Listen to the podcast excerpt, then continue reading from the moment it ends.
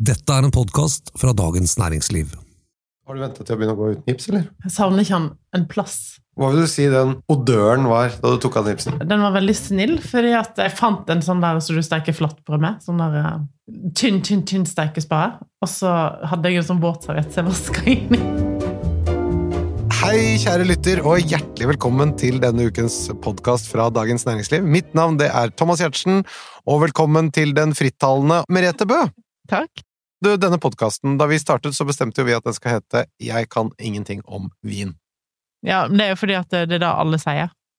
At de Jeg kan ingenting om vin. Det tror jeg også folk sier, fordi med en gang vin kommer opp som tema, så kan det virke litt ekskluderende på noen, og det tror jeg er fordi folk som er opptatt av vin, har et stammespråk og masse begreper som da vi kaster rundt oss, som da reduktiv bouquet, terroir osv., og, så videre, og så føler mange at dette er litt sånn vanskelig å forstå hva er for noe, og så blir det sånn viktig å si 'jeg har ikke noe greie på det', bare for å slippe å bli satt i forlegenhet. Ja. Jeg må bare spørre, Føler du deg skyldig her nå, i å drive og kaste rundt deg med sånne begreper?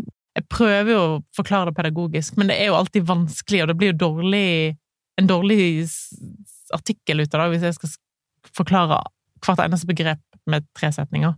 Og jeg har hatt en diskusjon med desken mange ganger, at jeg sier at folk kan google det begrepet hvis de lurer på hva det er. Ikke sant? Men, det er det mange som ikke gidder. det er mange som ikke gidder da. Og nettopp så har det oppstått et sånt felt der, hvor du har de som kan alle disse begrepene fullt og helt, og så har du de som er veldig tydelige på at 'jeg kan ingenting om dette her', og så har du en god porsjon i midten der som delvis ikke forstår de begrepene, og, eh, men ikke sier noe, og noen som bruker dem ganske fritt, uten egentlig helt å forstå dem heller. Så det er jo et sånt, hva skal vi si for noe, mange benytter seg av at det er litt tåke i rommet, Ja. og da driver de og strør om seg med en blanding av feilbruk av disse begrepene, og litt mansplaining og ja. det er et enormt fagområde, som så veldig mange andre fagområder. Så du blir aldri utlært, og du blir aldri ekspert, vil jeg påstå. Nei, det. Vi skal, det vi skal gjøre i dag, er at vi skal ta en del av de mest kjente og flittig brukte begrepene som jeg tror mange lurer på, men som ikke tør å spørre om. Og problemet er jo også til mange at jo lenger du har vært interessert i vin, og latt være å finne ut av hva ditt og datt betyr, Mm. jo flauere blir det å spørre til slutt. Så derfor er det jo mange som går og ruger på en sånn hemmelighet om at de ikke vet ganske sentrale ting, da. Mm. Så nå skal vi prøve å hjelpe de som åpent erkjenner at de ikke kan det, og en liten håndsrekning også til de som har gått og latt som de kan det, men som da egentlig ikke har hatt helt oversikt over det. Dette er til dere, kjære venner. Jeg skal da gå gjennom en del ord og uttrykk og begreper fra vinverden, og så skal du fortløpende forklare hva det betyr. Mm. Og jeg skal spørre eh, helt til vi har eh, tømt posen hos deg, Mm. som det blåøyde barnet, ok? Ja, ja. Ja, så i dag så handler det altså om begreper fra vinens verden, og Merete skal forklare etter beste evne. Jeg tror mange som hører på har lyst til å få noen anbefalinger også. Har du mulighet til å knytte noen anbefalinger til disse begrepene? Ja, jeg må ta det sånn som det kommer, egentlig, og ta det litt sånn på sparket. Men uh, det er jo greit med noen eksempel hvis folk lurer på hvordan akkurat det vi snakker om, smaker. Så du kom med noen anbefalinger i dag? Ja. Det er bra. Vi skal ikke gå ut av fjøset med tomme melkespann. Nei. Vi kommer inn med tomt spann, og kommer ut igjen med en slant i spannet i dag òg. Så kjære lytter, det er bare å henge med.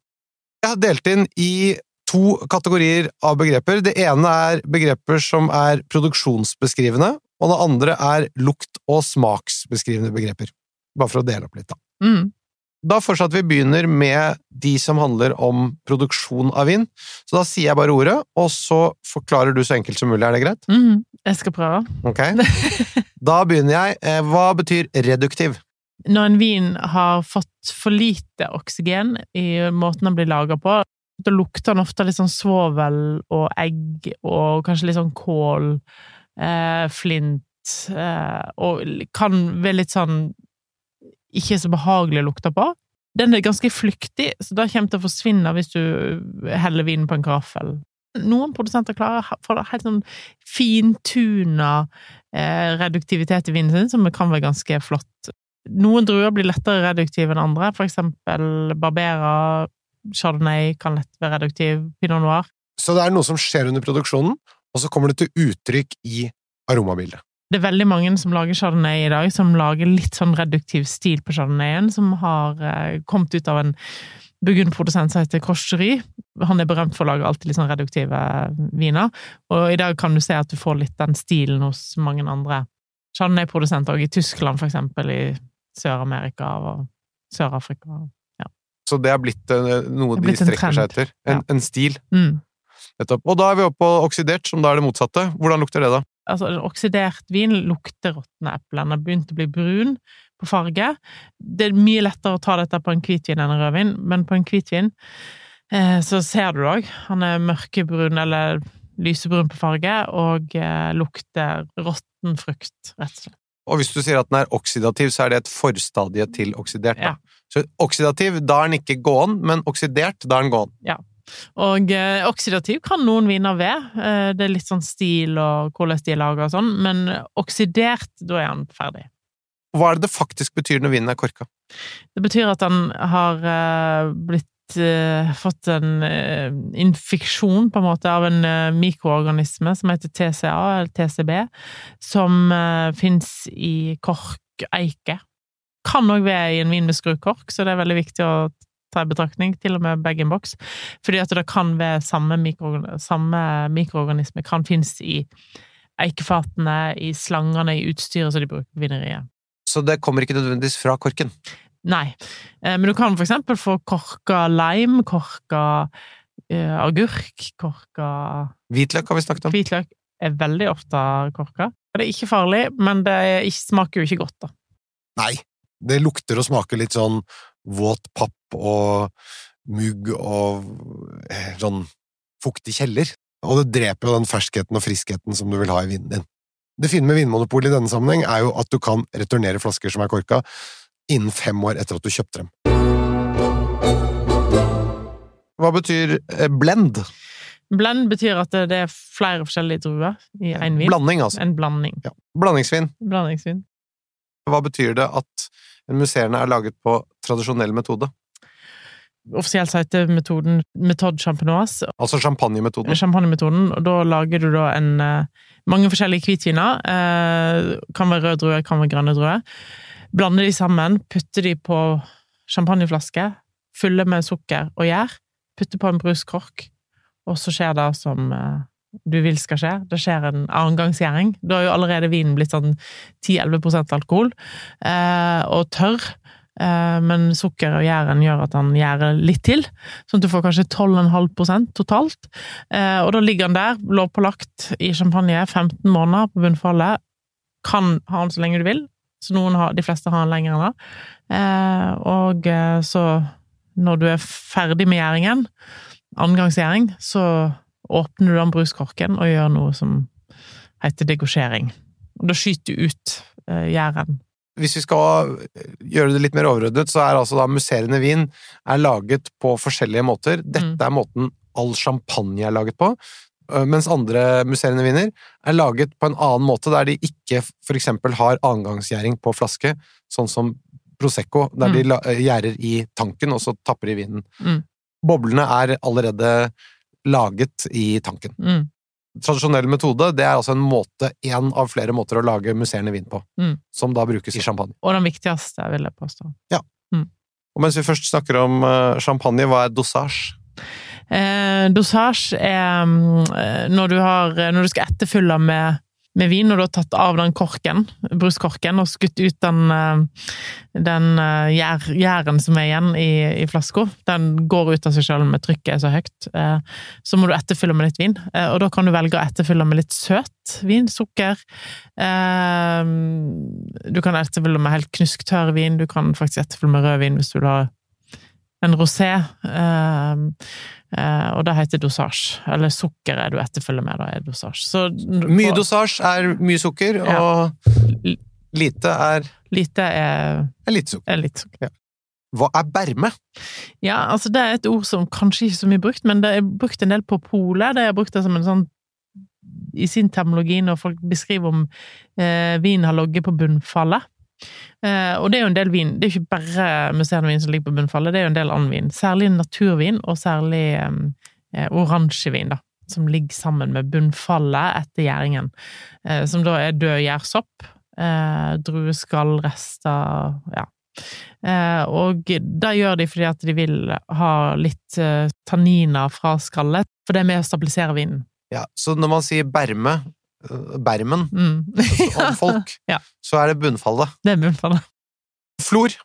Flor er mm, en gjærsopp som fins i vineriet, eh, særlig hvis du har, vil at den skal være der. Eh, og den blir brukt i sherry. Eh, det er det som gjør at sherryen får på en måte en kontrollert oksidering. Han lever på oksygen. Uten oksygen så klarer ikke den soppen eh, å overleve. Eh, og den lager seg jo sånn topplag på gjæringsfatet med vin, eh, og kontrollert oksiderer vinen. Så det er et mugglag. Mugglag. En annen vin som har det samme, er for eksempel Venchon fra Jura, som er en særegen vin, selvfølgelig.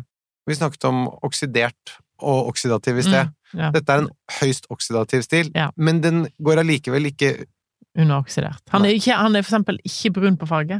Han er gul. Han er ofte veldig gul.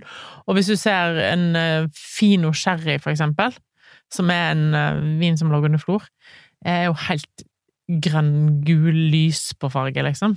Kan man si at det disse smaker, er riktig for disse vinene, men feil for en annen vin? Stemmer. Ja, så da er de oksidert. Så hvis en vanlig Ja. chardonnay blir sånn, så er den oksidert. Når jeg anbefaler en Venchon ofte og gir han høy score, og folk kjøper han, så leverer den. Det er ofte man leverer den tilbake igjen på polet, Du tror det er feil. for de tror det er feil. Men hvis du serverer en oksidert chardonnay, og så begynner folk å klage, kan du ikke bare si nei, det er Jura? En oksidert chardonnay lukter mer råttent enn en Venchon. Ja, nettopp. Så det, det er en forskjell der. Det er en forskjell. Fint, da kom vi frem til det som var den lille nyansen. Hva er solera? Eh, jeg òg et begrep som begynte i sherry, eller Jerez de la Fontera i Andalusia i Spania, som, der de fulgte De toppa opp sherryfatet. De tappa det ut litt i bunnen, og så de nei, så fulgte de opp litt på toppen. Eh, sånn at den eh, De kaller det for moret i den det fatet, da. Lærer opp alle den nye sherryen til å bli litt som en sånn rik stil, ikke sant. Så de kalte ofte dette var en solera sherry. Kunne ofte, den eldste sherryen i det fatet kunne ofte være kjempegammel, kanskje 100 år, mens den siste var jo fra i fjor, liksom. Eh, og solera er ikke så ofte de gjør på vanlig vin, det må jo være en vin som klarer å takle den, den måten den blir laga på, men de gjør det av og til på champagne, for eksempel. Um, de gjør det på um, ja, sherry, masse hetvin, uh, eller sterkvin. Jeg har sagt det før, men hjemme hos meg så er barna så redde for å drikke melk som har gått ut på dato. Så med en gang den går ut på dato, så heller jeg den over i en annen flaske som det er lenge til datostemplingen går ut. Og så har jeg en sånn melkesolera i kjøleskapet. Ja, så sånn mormelke, den er et halvt år, liksom. Helt riktig. Det er jo litt som en surdeig òg, da. Ja. Sant? Du tar ut litt, fyller på litt, sånn, så du holder den i gang. Og hvis du vil smake en solera-champagne, så er for eksempel Cotelat har en som heter Futtuchen. Ofte hvis det står Futtuchen på, på um, etiketten, eh, og den heter Cuvée Victor eller noe sånt, og den er en ganske eh, Du får en litt sånn rik, moden stil på champagnen, for dette, den er jo på en måte litt eldre enn den egentlig er. Og så er det et begrep som man ofte snakker om, kanskje særlig på Rieslinger, restsødme. Ja, det er jo at den har stoppa gjæringen før gjærsoppen har spist opp alt sukkeret. eh, Sånn at du får litt sødme igjen i vinen. Og en eh, veldig typisk vin som har litt restsødme, er jo en kabinett, eh, som har alt fra 15 til eh, 35 gram sukker. Så det er rett og slett en vin som ikke er gjæret helt tørr. Mm. Da har den restsødme igjen. Det som er litt sånn ullent eh, da, i vinens verden, er at all, liksom billig vin ofte blir tilsatt litt sånn eh, sødme i form av innkokt druemost og sånn, sånn at det er, som ikke er restsødme, men tilsatt sødme. Da kan du kanskje forklare fruktsødme også, da, når vi først er i Ja, eh, det er jo ofte Fruktsødme beskriver man ofte som i en tørr vin. Altså, det er ikke sukker i vinen, men smaken føles litt søt for det. Ja. Da er det mm, malolaktisk gjæring.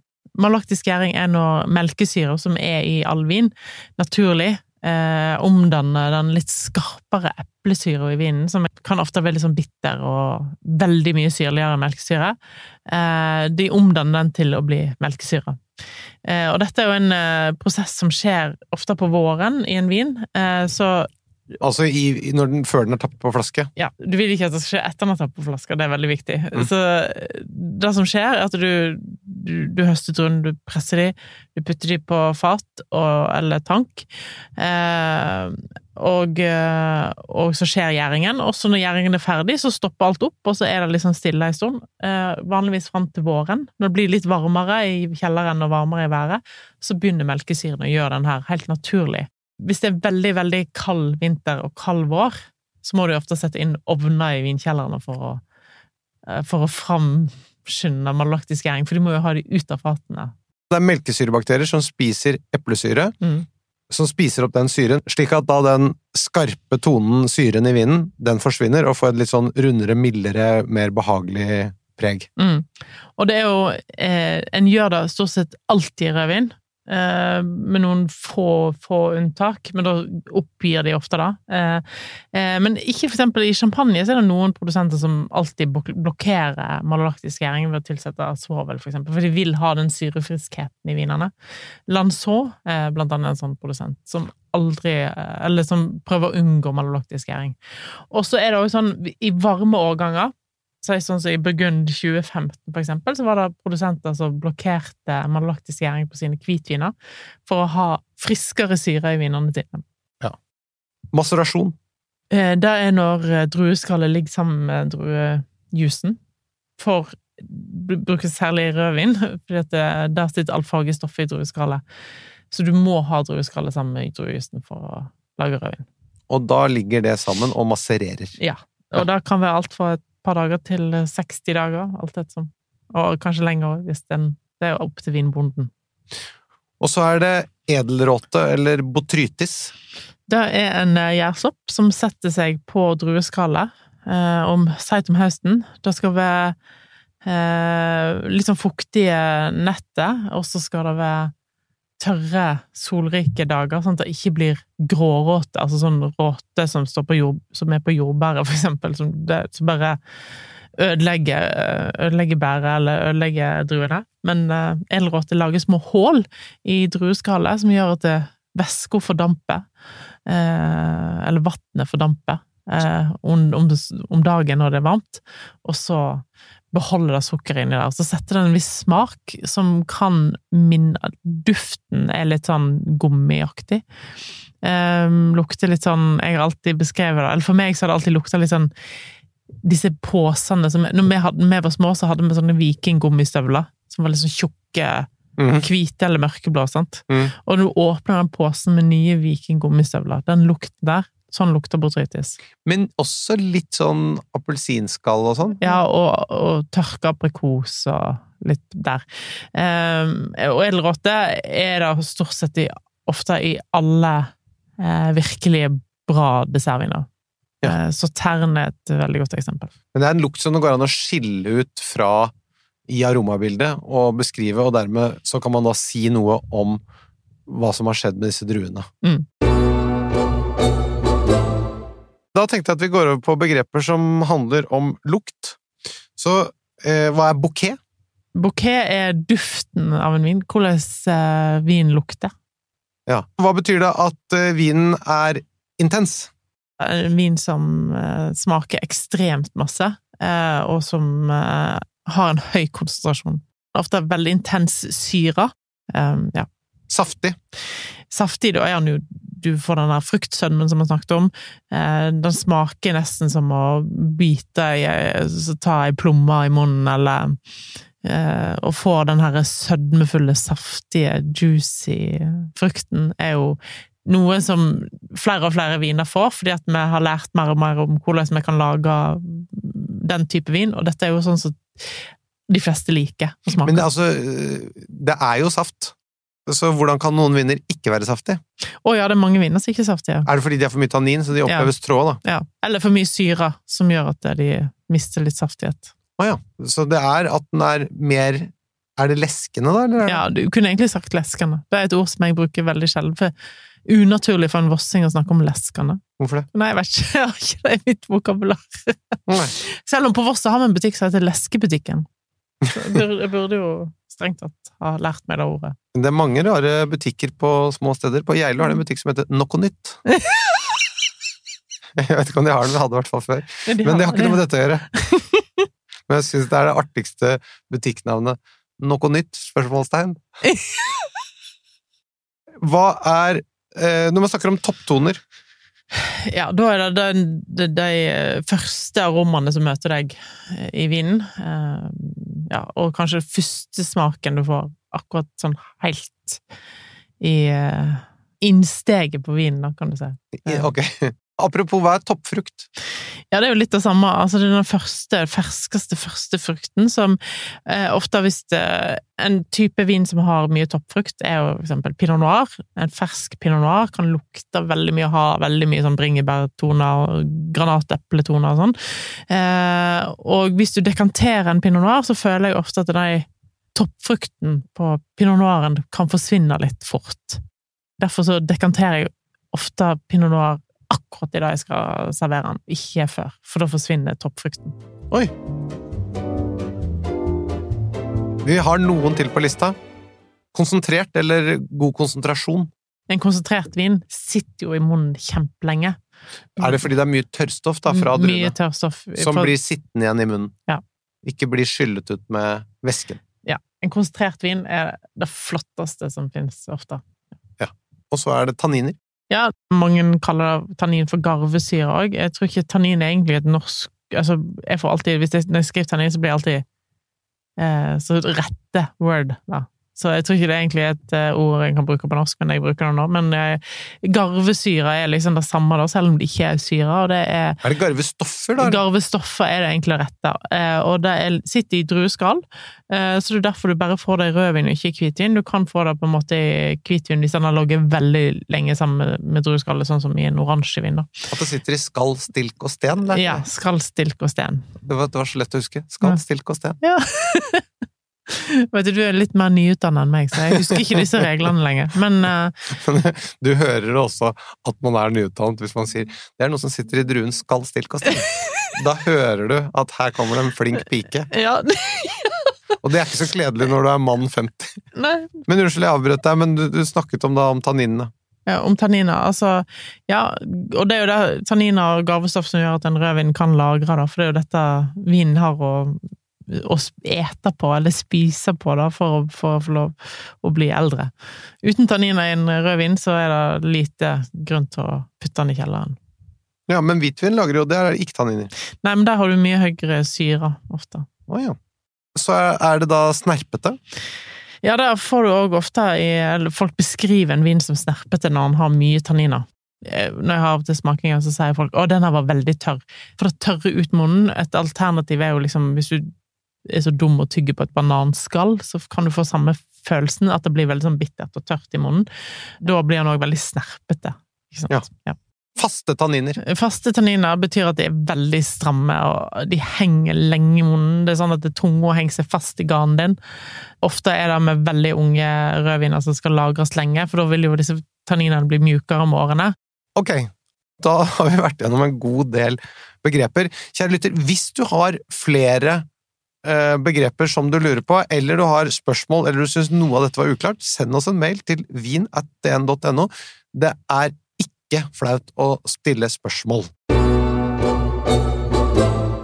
Vi må jo knagge noen anbefalinger til disse begrepene helt til slutt her. Litt eh, melk i spannet.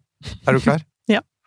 For å teste ut uh, sherry, eller flor, vil jeg jo si da, så ville jeg jo kjøpt en uh, Fino sherry, eh, for eksempel, eh, eller en Venchon. Venchon koster jo litt mer enn en Fino sherry, så kanskje teste ut en Fino sherry fra Lustau, eh, som er en av de virkelig flinke produsentene. Eh, og da får du jo testa ut eh, hvordan eh, flor både smaker og lukter. Og hva det vil si at det er oksidativt i stilen. Eh, og så har du jo, som jeg nevnte også, hvis vi vil smake hvordan en Solera champagne smaker, så er Cotelat et godt eksempel. Eh, det er en annen òg.